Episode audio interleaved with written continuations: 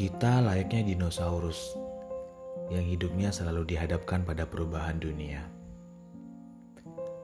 Pilihannya menjadi dinosaurus yang menyesuaikan diri dengan perubahan, tapi dengan hati yang terpaksa. Karena sering kali masih fokus kepada yang hilang. Sehingga pada akhirnya tidak mampu menerima perubahan. Atau menjadi dinosaurus yang hatinya menerima perubahan.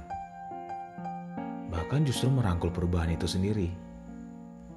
Yang akhirnya membuatnya berevolusi pada versi terbaik dari diri sendiri.